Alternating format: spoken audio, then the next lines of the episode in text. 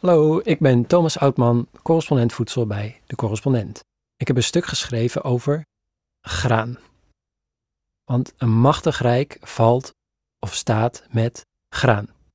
Dat helpt verklaren waarom Vladimir Poetin Oekraïne zo graag wil inlijven. Veel plezier met luisteren.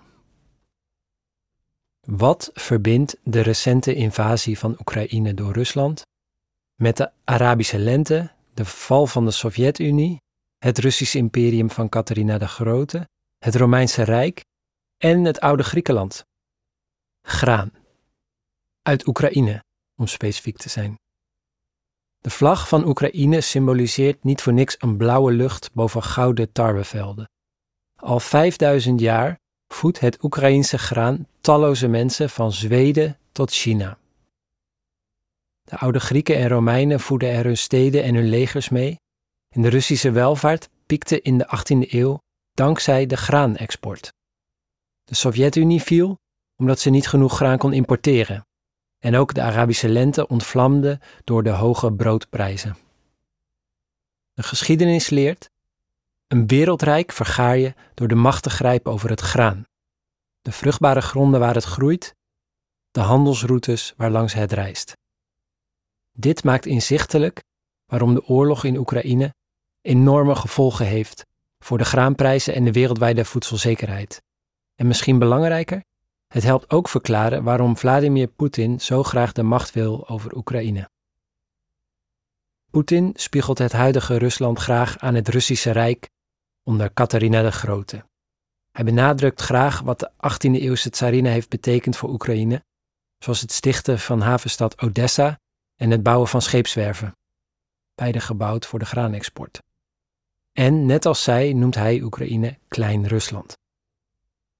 Poetins gedweep met Catharina de Grote is meer dan gruwelijke misplaatste romantiek, stelt Amerikaanse historicus Scott Reynolds Nelson. In zijn nieuwe boek Oceans of Grain beschrijft hij hoe het graan uit wat nu Oekraïne is een essentiële rol speelde in de opkomst en ondergang van bijna alle grote rijken in Europa.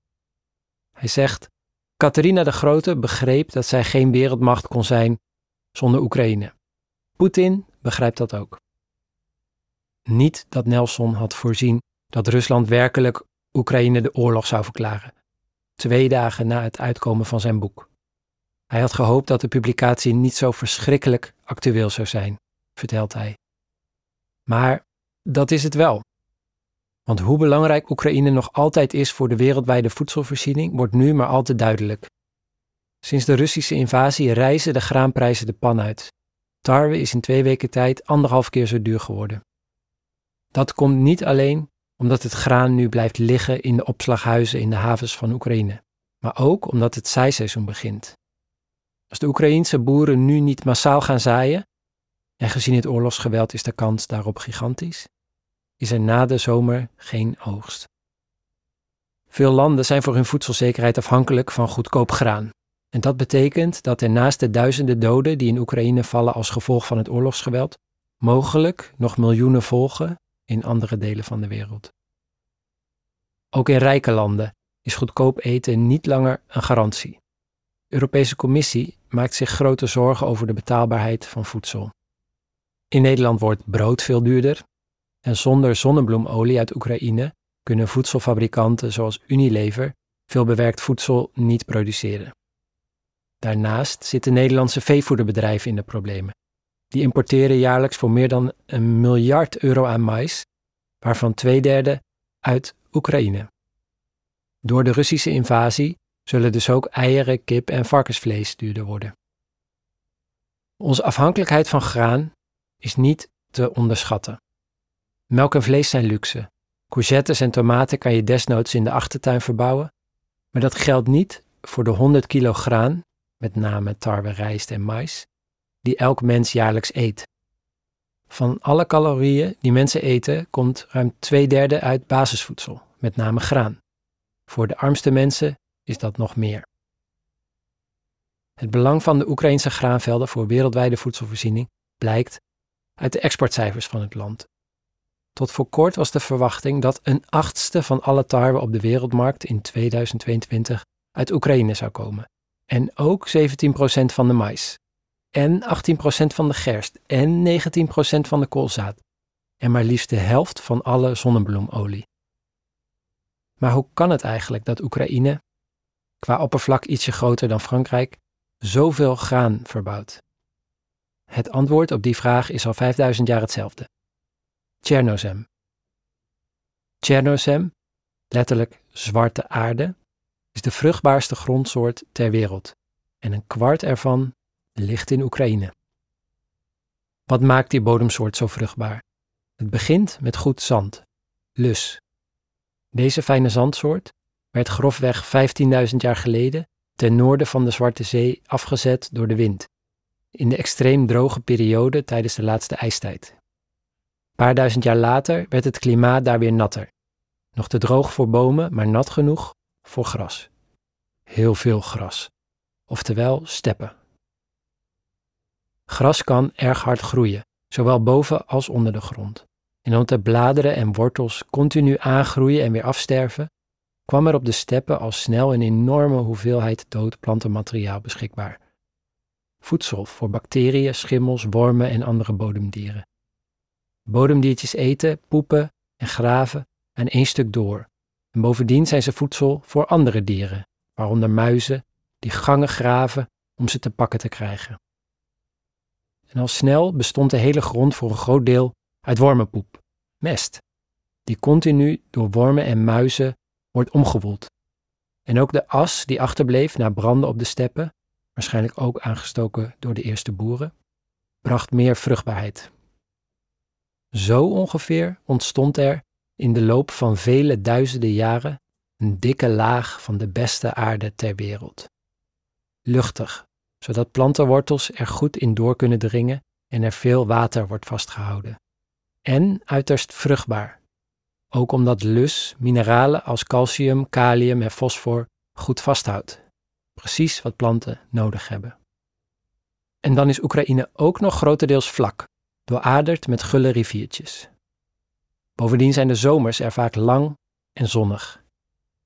Dat maakt de Oekraïnse grond goud waard voor elke machthebber die een grote bevolking moet voeden. Al in de klassieke oudheid kenden machthebbers maar al te goed het belang van vruchtbare grond en de macht over bestaande handelsroutes, schrijft Scott Reynolds Nelson. Het woord empire komt van het Griekse emporion, wat aanvoerhaven betekent. De oude Grieken, de Romeinen en het Byzantijnse Rijk waren volledig afhankelijk van het invoeren van graan. Eerst brood, dan spelen. De Grieken hadden al in de 8e eeuw voor Christus stenen handelsposten langs de Zwarte Zee, daar waar nu Odessa en de andere Oekraïnse steden met grote exporthavens liggen, die Poetin probeert te bemachtigen. En de mijlpalen die de Romeinen overal plaatsten, maakten niet de afstand tot de troon, zoals latere machthebbers deden, maar tot de Romeinse graanschuren. Deze pakhuizen waren grotendeels gevuld met Oekraïns graan, dat via de Zwarte Zee geleverd werd. Het eerste rijk dat groot werd door de buitenlandse handel in graan, uit wat nu Oekraïne is, was het Rusland onder tsarina Katharina de Grote. Na vele eerdere pogingen van Russische heersers lukte het haar in de 18e eeuw om het huidige Oekraïne in te lijven. In plaats van haar eigen bevolking met het bijkomende graan te voeden, besloot ze het te exporteren naar Europa. De opbrengsten maakte de Russische elite ongekend welvarend. Twee eeuwen later deed een tekort aan graan de macht in Oost-Europa juist wankelen. Door een combinatie van droogte en de notoire inefficiëntie van de gecollectiviseerde Sovjetlandbouw werd er alleen in het vruchtbare Oekraïne nog veel graan geproduceerd te weinig om de hele Sovjet-Unie mee te voeden. Dat werd opgelost door veel aardolie te exporteren en met de winsten graan uit de VS te importeren. Maar door de almaar stijgende voedselprijzen en de dalende olieprijzen werd die strategie steeds moeilijker vol te houden. De Sovjet-Unie verarmde, de bevolking had het steeds slechter en dat was een grote factor bij het uiteenvallen van de staat in 1991. Het is tijd dat Rusland kansen in de export van basisvoeding gaat benutten, stelde Poetin in het voorjaar van 2020. Het land is nu al wereldleider in de tarwe-export en dat gaat allemaal via de Oekraïnse havens aan de Zwarte Zee. Het zekerstellen van die route en daarbij het inlijven van de Oekraïnse graanvelden zou Rusland een absolute grootmacht op de internationale voedselmarkt kunnen maken. Bij elkaar opgeteld waren de twee landen vorig jaar goed voor de export van maar liefst 12% van al het voedsel op de wereldmarkt. En Rusland is niet de enige die mogelijkheden ziet in de vruchtbare grond van Oekraïne. Sinds het land afgelopen tien jaar toenadering zoekt tot de Europese Unie, investeren westerse bedrijven vele miljarden in de Oekraïnse landbouw. De Oekraïense president Volodymyr Zelensky privatiseerde in juli 2021 onder grote druk van het Internationaal Monetair Fonds de landbouwgrond, met als specifieke doel om buitenlandse investeerders aan te trekken. Formeel mogen buitenlanders het land niet kopen, maar wel pachten. Daardoor staan Amerikaanse, Franse en Saoedische investeringsfondsen nu in het rijtje van grootste landgebruikers in Oekraïne. Ook Nederland bemoeit zich met de Oekraïnse landbouw. Naar de nadrukkelijke wens van de Oekraïnse regering investeert het Nederlandse ministerie van Economische Zaken in het verder opschalen van de Oekraïnse landbouw. Ook vestigen verschillende Nederlandse akkerbouwers al bedrijven in Oekraïne. De Oekraïnse grond is niet alleen vruchtbaarder, maar ook meer dan twintig keer zo goedkoop als de Nederlandse. Op dit moment wordt bijna de helft van al het voedsel in Oekraïne geproduceerd door kleinschalige boerenbedrijven. Veel van hen willen klein blijven en hun dorpse leven behouden, maar binnen- en buitenlandse investeerders streven juist naar tegenovergestelde. Logischerwijs zal daardoor, net als in Nederland en andere Europese landen, het aantal boeren afnemen. Ze stappen over op het westerse model, waarbij het grootste deel van de winst naar handelsbedrijven en leveranciers van zaden en pesticiden, zoals Bayer, gaat. De Russische regering noemde de vele westerse investeringen in de Oekraïnse landbouw een plot om de wereld over te nemen. Hoe je het ook ziet, de Oekraïnse landbouw, waar Rusland door de eeuwen heen zoveel van heeft geprofiteerd, kwam de afgelopen jaren ook het Westen ten goede. Olie, gas en kolen zijn vooralsnog de belangrijkste bron van inkomsten voor Rusland. Maar tarwe komt direct daarna. Op de lange termijn zal graan wel eens het belangrijkst kunnen worden, ziet historicus Scott Reynolds Nelson. Door de klimaatcrisis zal vruchtbare grond met een gunstig klimaat namelijk schaarser worden en voedsel dus duurder. En hoewel de gasprijzen nu torenhoog zijn, zal de wereldwijde afhankelijkheid van olie en gas op niet al te lange termijn misschien wel tanen. Althans, als de wereldwijde energietransitie doorzet. De gemiddelde Rus besteedde voor deze nieuwe oorlog al meer dan 30% van het inkomen aan voedsel.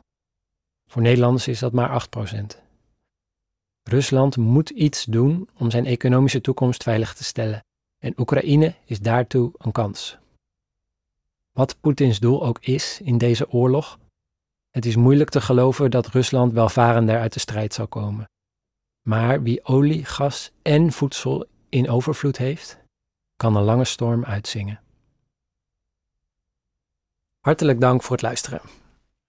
Dit stuk was een stuk minder interessant geweest zonder een mini-college van hoogleraar bodemkunde Francisca de Vries van de Universiteit van Amsterdam over Chenosem. Vond je dit nou een mooi verhaal en wil je ons steunen? Word dan lid en wacht niet te lang, want vanaf 1 mei gaan de prijzen omhoog. Tot de volgende.